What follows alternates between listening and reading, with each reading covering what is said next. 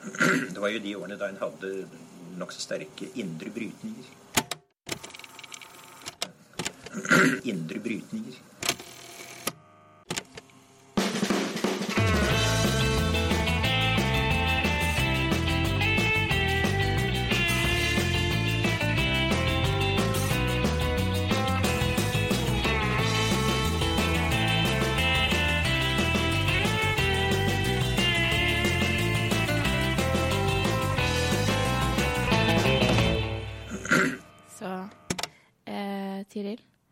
Du hvorfor svenskene putter p-piller i nesa?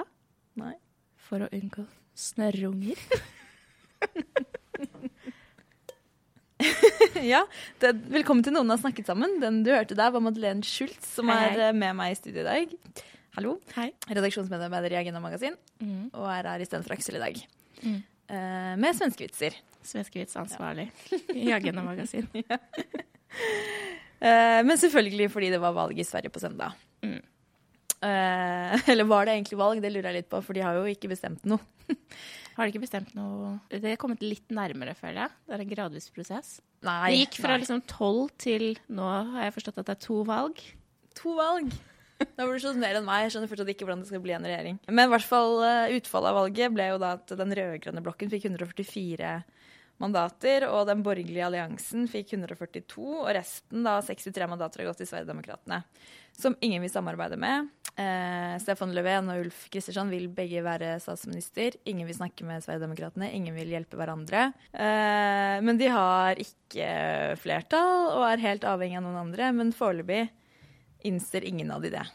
Eller rett før vi kom hit nå, så hadde alliansen en eh, pressekonferanse eh, hvor de fire partiene fortsatt står samlet. da. Ingen har slått sprekker eh, og blitt fristet av Stefan Löfven uh, ennå, men så står de og sier at eh, vi, Ulf Kristersson, som jo representerer det partiet som har gått mest tilbake, Moderaterna, vil bli statsminister. Eh, men først skal de felle Stefan Löfven, og så trenger de hans hjelp til å bli statsminister etterpå. Er det han duden som står med sånn telefon i sånn finansoutfit? Eh, ja, det er han utrolig velkledde, godt trente, veldig lite karismatiske lederen. Skjønner. Uffe. Jeg tenker egentlig at det, for, meg er det, for meg personlig så er det egentlig litt det samme så lenge du ikke gjør noe med Nordby-senteret. Ja, du vil ha det. Jeg bare tuller. Altså, Nordby jo, ut av Sverige og inn i Norge. ja, vi kan jo tulle, men det er jo eh, egentlig faktisk ganske jævlig, tenker jeg, at eh, en av fem svensker faktisk viser seg å være idioter på ekte.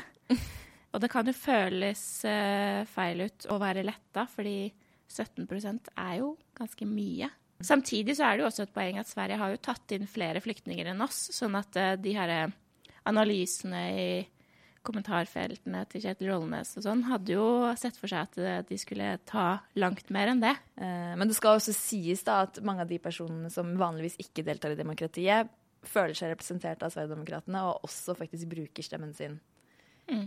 På å stemme på de, og noen også, ganske mange av de stiller faktisk også til valg. Så det er jo den lille positive siden, da, kan man si. Så det eneste vi venter på nå, er jo de utenlandsstemmene som eh, Det er også litt morsomt da, at hele valgkampen har handlet om innvandring, og så er det utvandrerne som skal bestemme utfallet av dette valget. Det er. Det er jo veldig mange svensker her i Norge, er det ikke det? Eller er det bare Eh, Det er en ganske stor innvandringsgruppe i Norge. Ja. Ja. Og Jeg så han der eh, Ulf Kristersson hadde jo en stor kronikk i Aftenposten Mm. eh, uka før valget. Så de bryr seg om De oss. bryr seg litt. Ja. Eh, men ja, eh, det var, det, det var litt om Sverige. Men det vi egentlig skal snakke om i dag, er eh, likelønn. I forbindelse med at Likelønnskommisjonen kom ut for ti år siden. Eh, Så da skal vi ta opp status på likelønn eh, i dag, og vi får besøk av Kristina Julem Hagen fra NHO og eh, Susanne Kalusa fra Ski Community. Og det, det er ikke derfor jeg Det er ikke fordi at det er bare kvinner som kan snakke om det at jeg er her, altså. Det er fordi Aksel er på ferie. Ja. Supervikar i full stilling. Ja. 100% stilling.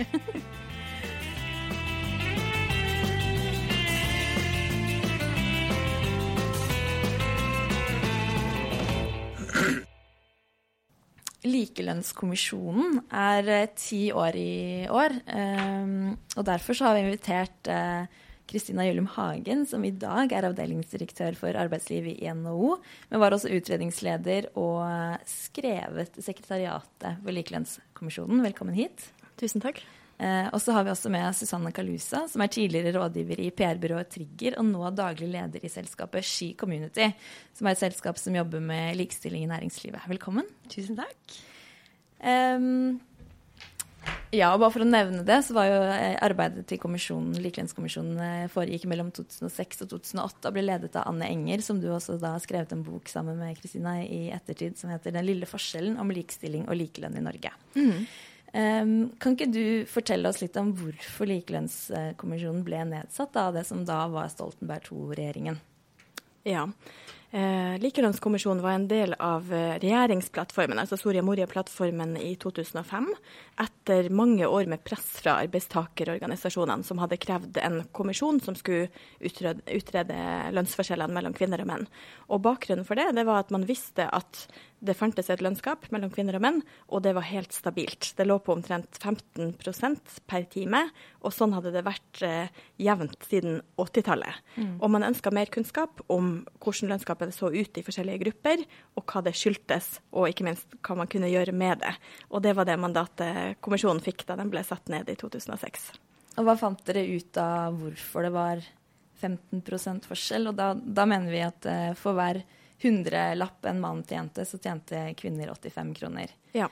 Og Det første som er viktig å si, er at man snakker om timelønnsforskjell her. Så her har man tatt alle kvinnene som jobber deltid, og så har man regna stillingene deres opp til heltid. Mm. Og så finner man allikevel en lønnsforskjell på 15% så det er såkalte heltidsekvivalenter. Uh, og jeg tenker at Når det gjaldt årsaker, så fant Likelønnskommisjonen ut noen viktige ting. En viktig ting var at uh, forskjeller i lønn mellom kvinner og menn skyldtes ikke at menn hadde lengre utdanning og mer erfaring enn kvinner. For det var en sånn myte som eksisterte frem til da, at ja, men det er jo bare fordi menn har tatt mer utdanning. Mm. Men sånn var det ikke. Altså forskjeller i humankapital forklarte veldig lite.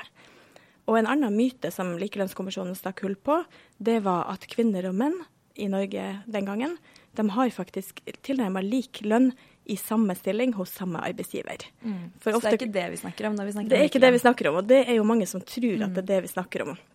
Og jeg husker På omtrent den samme tida så kjørte Sykepleierforbundet en kampanje for likelønn, hvor det var bilde av en kvinnelig sykepleier, og så hadde de tegna på en bart på mm. plakaten. Og så sto det om hun hadde vært mann, ville hun tjent 15% mer. Det er jo bare villedende. Sånn er det ikke. Det er ikke der lønnsforskjellen i norske arbeidsmarkedet ligger. på på direkte forskjellsbehandling. Altså, det betyr jo ikke at det, det, kan forekomme, det kan det mm. selvfølgelig skje. Uh, men det er ikke det som er hovedforklaringa. Det som kommisjonen kom til at var hovedforklaringa, det var det kjønnsdelte arbeidsmarkedet, ikke overraskende. Altså at kvinner og menn jobber i forskjellige yrker og forskjellige sektorer, ikke minst, hvor lønninga er ulik. Og det at flere menn enn kvinner er ledere, mm. og det slår ut på, på lønna.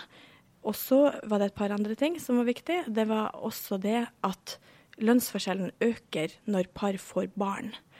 At kvinner og menn tjener omtrent like og har lik, lik lønnsutvikling frem til de får barn, og så skjer det noe negativt med kvinners lønnsutvikling, mens menn har en mer positiv lønnsutvikling etter de får barn. Ja.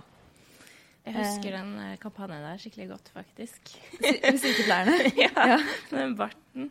Men eh, det, det, er vel en, sånn altså en viss fortolkningsevne, så kan den jo liksom altså Hvis man tolker det sånn at de mener at hvis du hadde vært mann og derav valgt et mannsdominert yrke, så hadde den jo vært mer riktig, da. Ja, det har de, sånn. Da har de stor tiltro til målgruppa.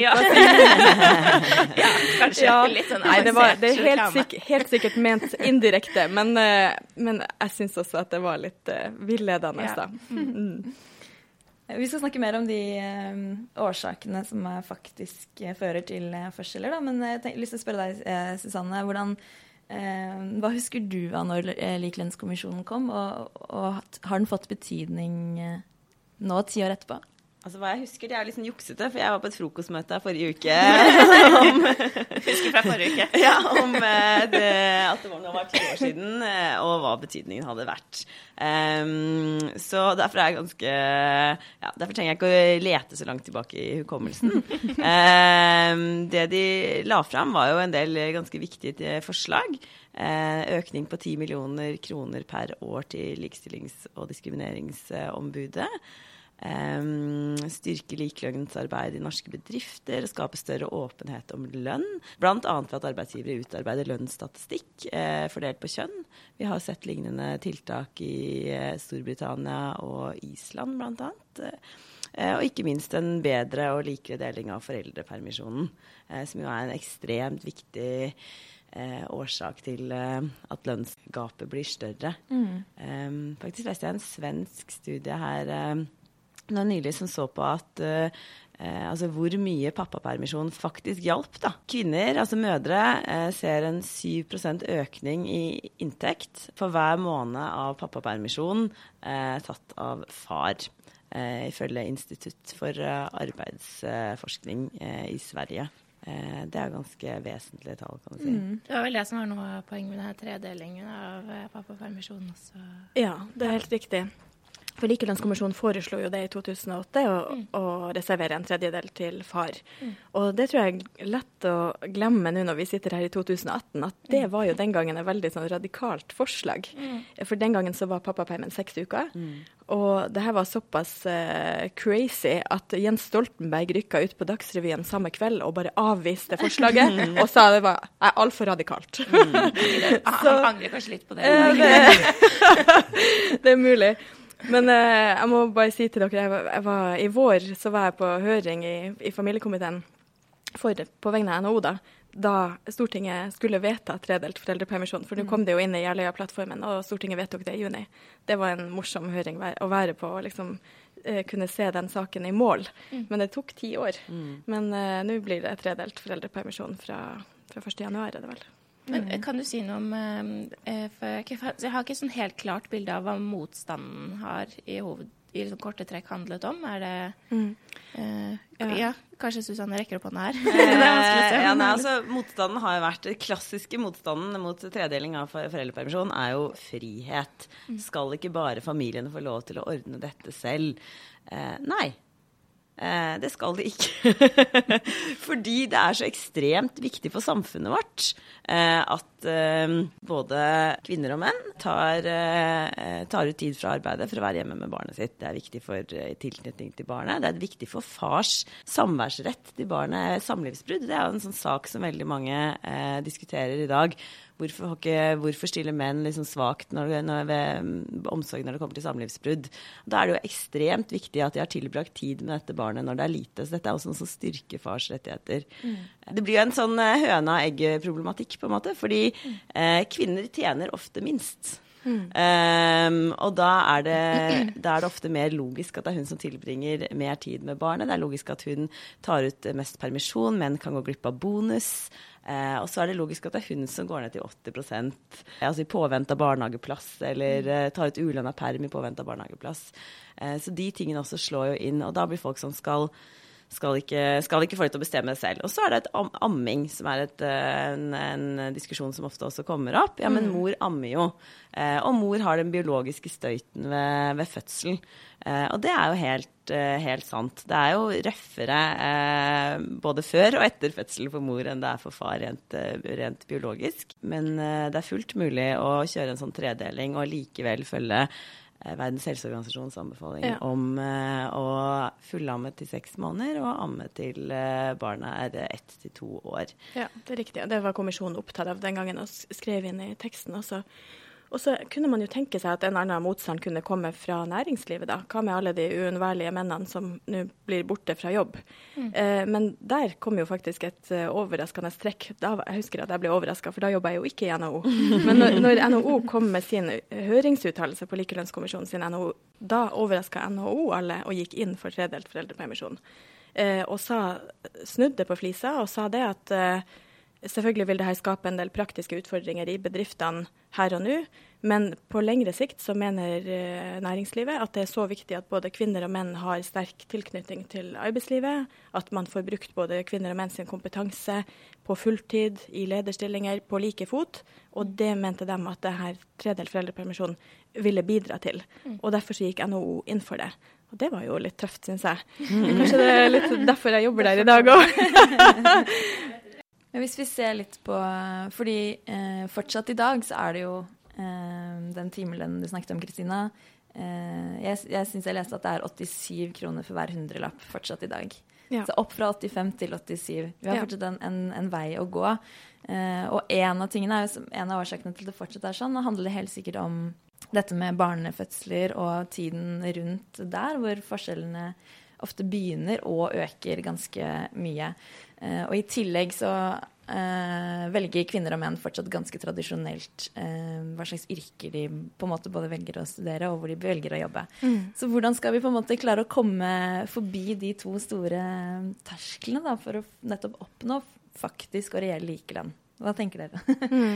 Jeg tenker at den, den reduksjonen som har skjedd, eh, er jo ikke ubetydelig, faktisk. Altså Nå er lønnsgapet 13% istedenfor 15 og de 15 hadde jo vært som hogd i stein i flere tiår. Så det er en bevegelse. Og på det frokostmøtet Susanne refererte til, så var det en, en forsker som kan det her bedre enn oss, Erling Barth fra Institutt for samfunnsforskning.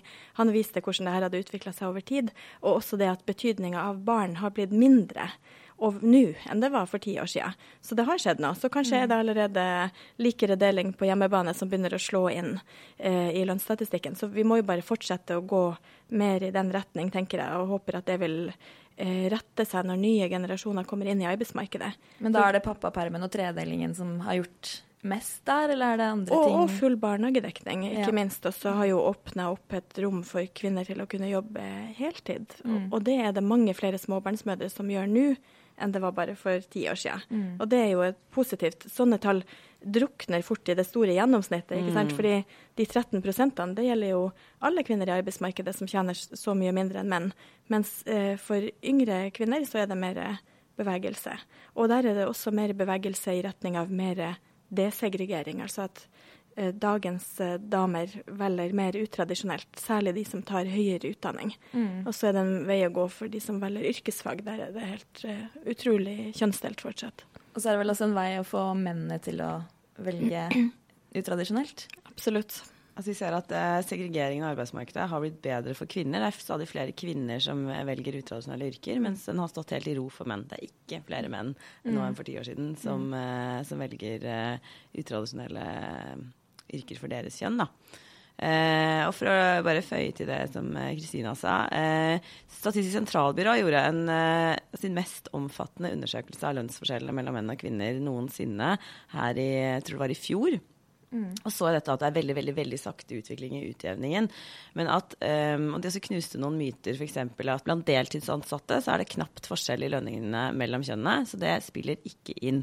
Forskjellene ligger blant de heltidsansatte. Og de høyt utdannede, Ja. jeg også. Ja, for blant de 10% med lavest lønn så er det veldig små forskjeller. Eh, mens blant de 10% med høyest lønn så er det svært stor forskjell. De høyest lønnede kvinnene har kun 72% av lønnene til de høyest lønnede mennene. Um, og at i enkelte næringer som undervisning og helse og sosialtjenester, der hvor kvinner er i flertall, så har menn noe høyere lønn, mens i andre yrker så har kvinner noe høyere lønn blant de som eh, tjener minst. Størst er forskjellig finans og forsikring. Så der har vi en jobb å gjøre. Der er kvinners gjennomsnittlige månedslønn 69 av uh, mennenes. Og det er ikke fordi kvinnene tjener så lite, men fordi mennene tjener så ekstremt mye mer. Um, og da er det altså sammenlignet uh, lønnstakere med lik arbeidstid, lik utdannelse, samme yrke og samme alder, og funnet at selv når forutsetningene er uh, helt like, så er det dels store forskjeller uh, mellom kjønnene blant heltidsansatte med høyere utdanning. Men her er du jo inne på noe veldig interessant, synes jeg. Og det er jo at det er jo mye større lønnsspredning blant menn enn blant kvinner. ikke sant? Det er større forskjell på topp og bunn. Eh, og det der utfordrer også likelønnsbegrepet, sånn som jeg ser det. Fordi? Likelønnskampen har jo tradisjonelt vært veldig forbundet med lavlønnskamp. og Man har snakka om å løfte lav, lav, kvinnedominerte lavlønnsgrupper. Men et av de funnene som eh, Likelønnskommisjonen la på bordet, var jo at en av forklaringene på at kvinner tjener mindre enn menn, er at kvinnedominerte utdanningsgrupper får dårlig betalt for den utdanninga de har tatt. Og en grunn til at de får det, er at de befinner seg i forhandlingsområder, altså i tariffområder, hvor man har prioritert lavlønnsgrupper. Ja. Henger dere med? Ja. Sånn at F.eks. i det statlige forhandlingsområdet, der er en av konklusjonene til Likelønnskommisjonen. Når man, man har mange kvinner i lavlønnsgruppene, man har også mange kvinner, kvinner i utdanningsgruppene. Og når man har en lavlønnsprofil på oppgjøret, så vil det løfte i bunn.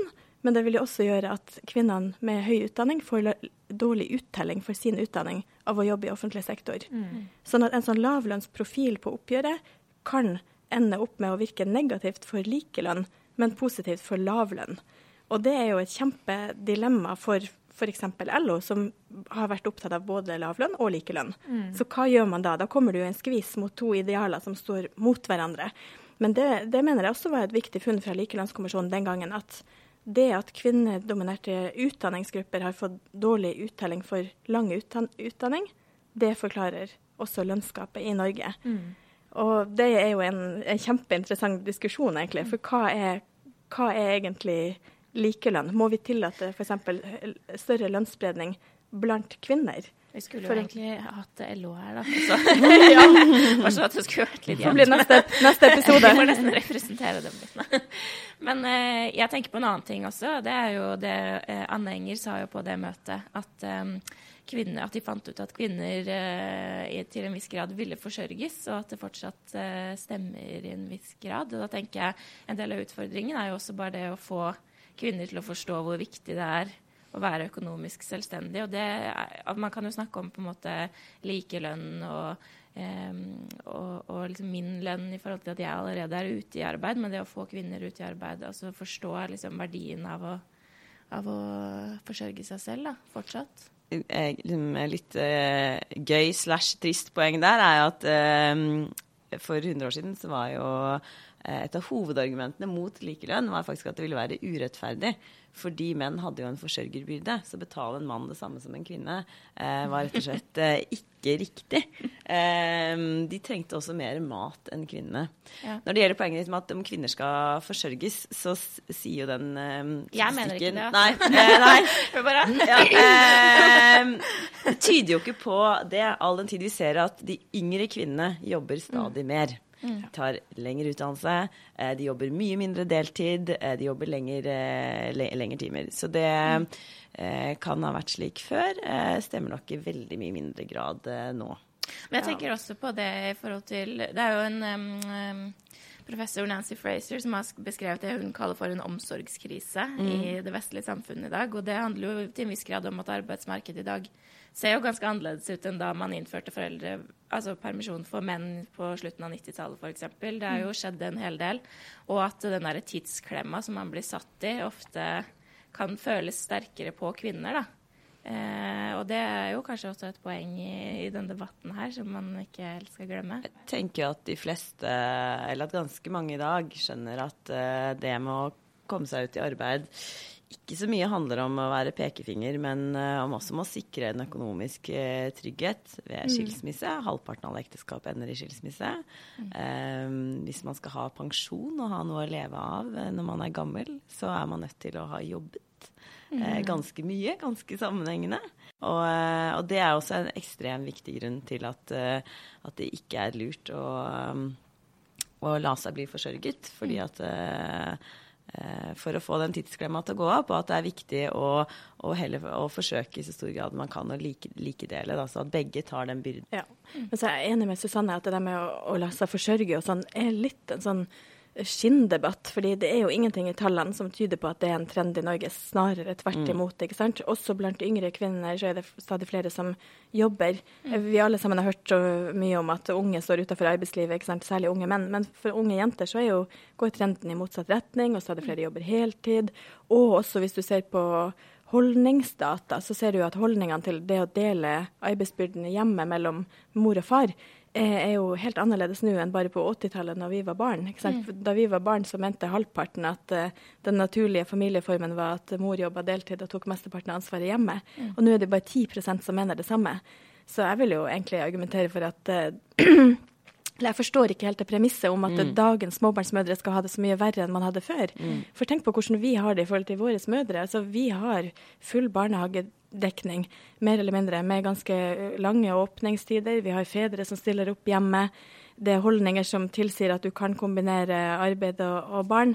Så, så jeg, jeg forstår ikke helt det premisset om at det skal ha blitt vanskeligere enn det var for f.eks. min mor, som hadde tre måneders foreldrepermisjon og måtte betale halve lønna si til en dagmamma. Ja. Eh, Altså, herregud, personlig så må jeg bare si at jeg er helt sånn eh, etter at jeg hadde fått barn selv, jeg er så takknemlig for at vi både har barnehagedekning, og at vi har mulighet til at menn også kan ta ut Ja. permisjon. Hvis ikke så vet jeg ikke hva jeg hadde gjort, egentlig. Nei, det kan du si. Harvard Business School har en litt sånn uh, gøy studium som handler om uh, likedeling av, uh, av husarbeid. De fant at voksne sønner av arbeidende kvinner tilbrakte mer enn dobbelt så mye tid på husarbeid og barnepass sammenlignet med sønnene til eh, hjemmeværende kvinner. Så hvis man har liksom litt dårlig samvittighet for barna sine for å jobbe heltid, så kan man jo trøste seg med det. Man gjør sønnene sine og de fremtidige svigerdøtrene sine en veldig stor tjeneste. Det var en god trøst. Ja? Men en, en, en annen en trend, eller hva man skal, en utvikling som er litt sånn merkelig, syns jeg, det er jo at f.eks.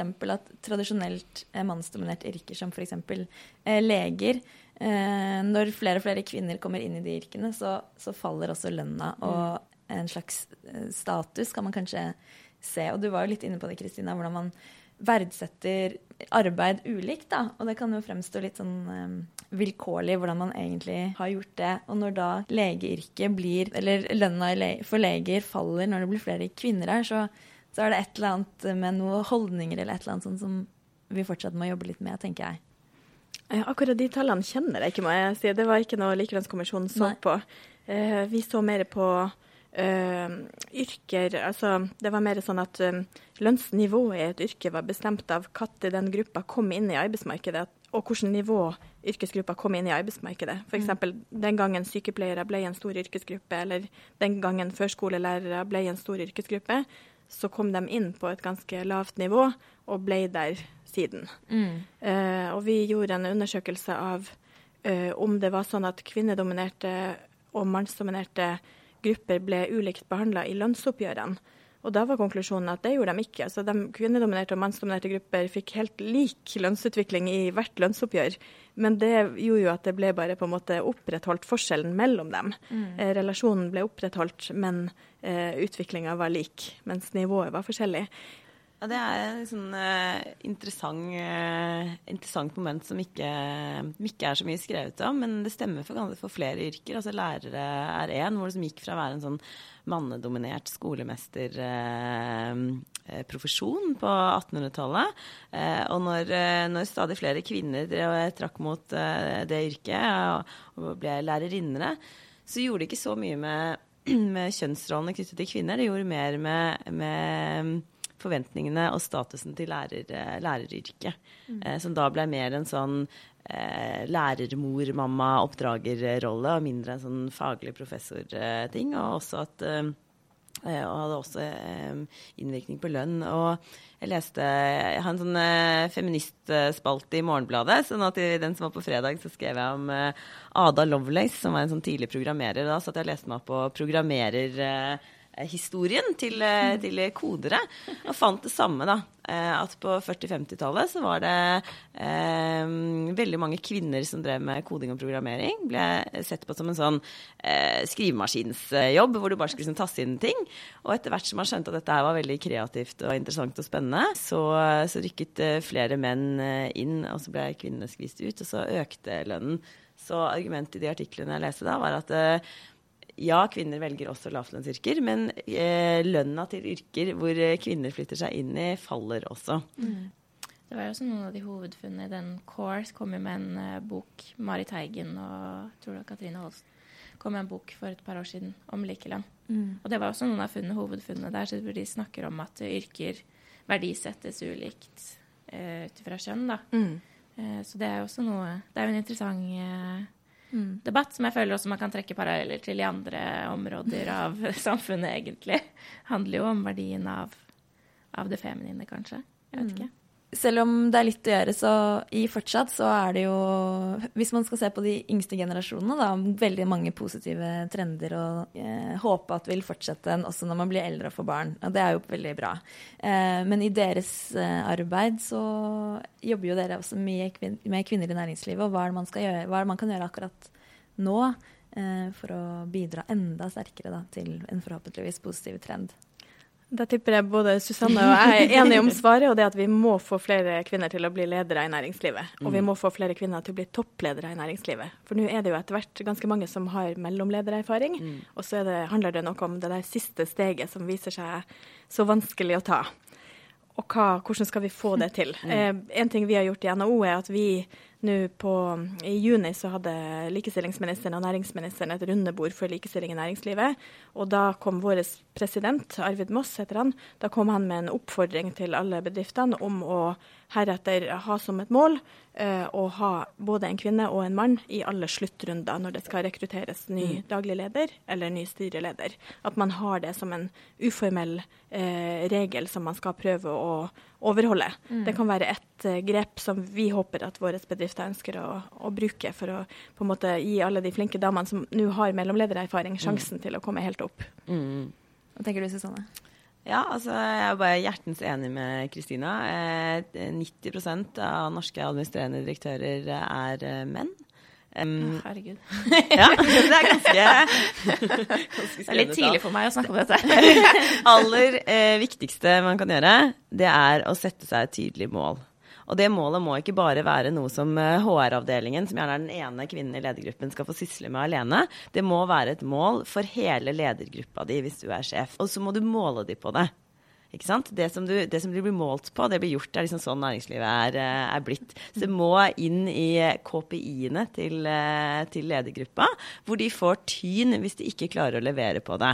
Um, og så må man sette seg realistiske mål. ikke sant? Så kanskje en avdeling har, har 20% så da har man en målsetting om å få det opp til 25, eller man har en målsetting om å få det opp til 30.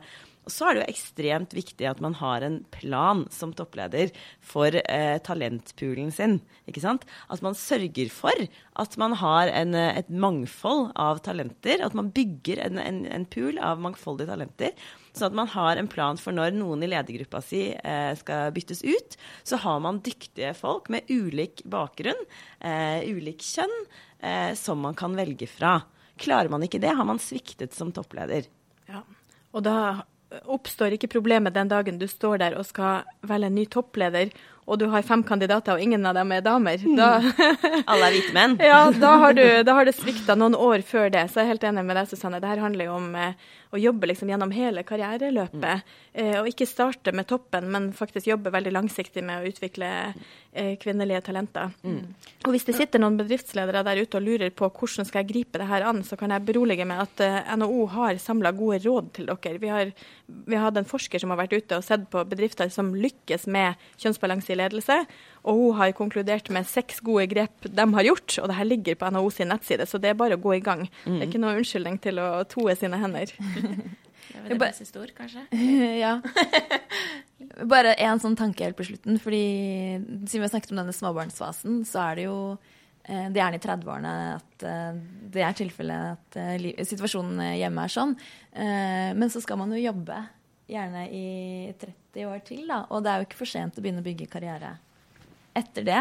Så det er også litt sånn der til, til alle lederne rundt der at man kan også begynne å se etter talenter etter at småbarnsfasen er over.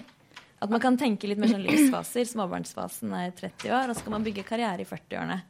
Ikke nødvendigvis at det løpet er kjørt da når man har Nei, det bør jo ikke være kjørt. Men jeg tenker heller ikke at uh, ledere bør se på mødre eller fedre i 30-årene som en sånn pause i arbeidslivet. Da kan man heller tenke OK, hvilke vekstmuligheter eller hvilke utfordringer kan jeg gi denne dama eller denne mannen i denne fasen, som den personen kan vokse på, men som ikke er helt uforenlig med foreldrelivet.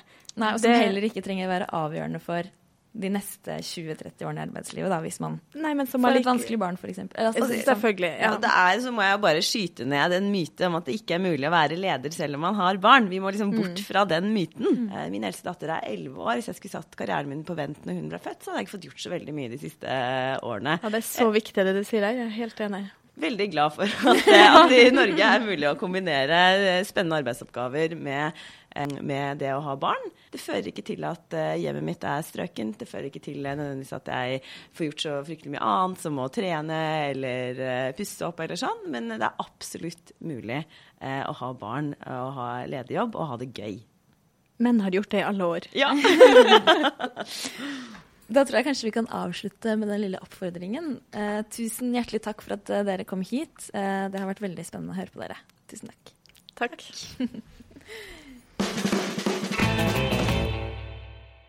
Ja, da er det bare å gå ut og bli næringslivsleder da, Madeleine. Åh, må jeg? Jeg vil helt starten. slippe det. Men Jeg er 100% Jeg føler at det er nok. det får holde. Ja. Ja. Eh, men eh, du, vi pleier jo å anbefale eller selge noe når vi avslutter en, disse episodene. Anbefale eller selge noe. Ja, det er ikke det det samme. Jeg selger leiligheten min på Finn for tiden. Ok, da har vi notert det. Nei, nei. Ja, jeg har eh, faktisk tatt med meg en anbefaling. Eh, fordi jeg skal gjøre et intervju i morgen i forbindelse med den um, litteraturfestivalen som skal være i Oslo. God natt, Oslo, Mm. eh, nå til helga. Eh, og da skal jeg intervjue en amerikansk forfatter, en litt sånn bortglemt forfatter, som heter Nell Dunn. Som skrev eh, boka 'Talking to Women' i 1965, som ble ansett som en sånn slags feministisk klassiker. Eh, og så forsvant den litt, eh, men nå har de gitt den ut i ny utgave. Ja. Så jeg skal treffe henne. Det blir veldig spennende eh, å, snakke om, å snakke med kvinner. Akkurat som vi har gjort her i dag. Uh, ja, min anbefaling er for de som er enda mer interessert i det svenske valget. Fordi SVT, da, Sveriges Televisjon, har laget en uh, veldig sånn fin uh, illustrasjon på hva svenskene har stemt, avhengig av valgdistrikt, da, hvor de bor, hva slags inntekt de har, og hvor mange som bor i distriktet, f.eks. Eh, litt sånn flotte mosaikkillustrasjoner som eh, Jeg skal henge det opp på den nye leiligheten min. ja, ja. For eksempel viser det at eh, inntekt eh, mellom den røde og den blå blokken er ganske sånn tradisjonell systematisk, mens at eh, de masse gule prikker da, som sprer seg liksom fra midten og både oppover og nedover, som er Sverigedemokraterna sine velgere. Mm. Så veldig interessant. Jeg anbefaler det. Så høres vi igjen neste uke. Ikke meg, da, men Vi får se. hvis dere savner meg, så kan dere jo kanskje liksom legge inn en melding eller liksom gi, gi lyd, da. Sånn at, jeg, sånn, at, sånn at jeg kan konkurrere ut Aksel. Ja. Eller meg. Uh, men det, det, uansett, vi kan jo minne om at vi har en Facebook-side som heter Noen har snakket sammen, så gjerne gå inn og lik den, og abonner på oss i iTunes. Ha det bra! Ha det!